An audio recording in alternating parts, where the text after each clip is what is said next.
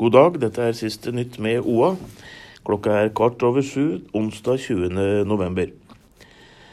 Veitrafikksentralen advarer om at tåka fryser på bakken og fører til svært glatte veier i Oppland grytidlig onsdag morgen.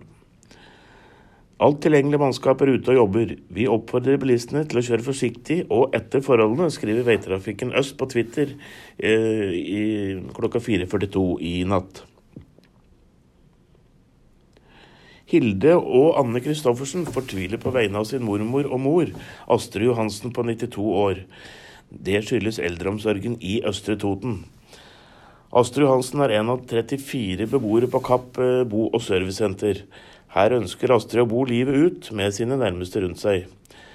Men likevel har Astrid og de andre beboerne og deres pårørende nå fått beskjed om at de må flytte. Snart skal Østre Totens nye helse- og omsorgssenter Labo tas i bruk på Lena. Da skal Kapp bo- og ser- servicesenter tømmes, og beboerne ut fra omsorgsbehov fordeles til Labo eller Fjellvo bo- og servicesenter i Kolbu. Vegard Svenskerud overtar både som daglig leder og eier av den tradisjonsrike familiebedriften Byggsenteret Toten Lena Jernvare.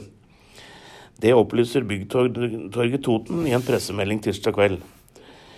I pressemeldingen vises det til at Olav Åvern startet Lena Jernvare i 1950, og at bedriften er drevet av tre generasjoner. Familien har utviklet bedriften til å bli en solid og betydelig aktør i markedet, og et kjent begrep på Toten.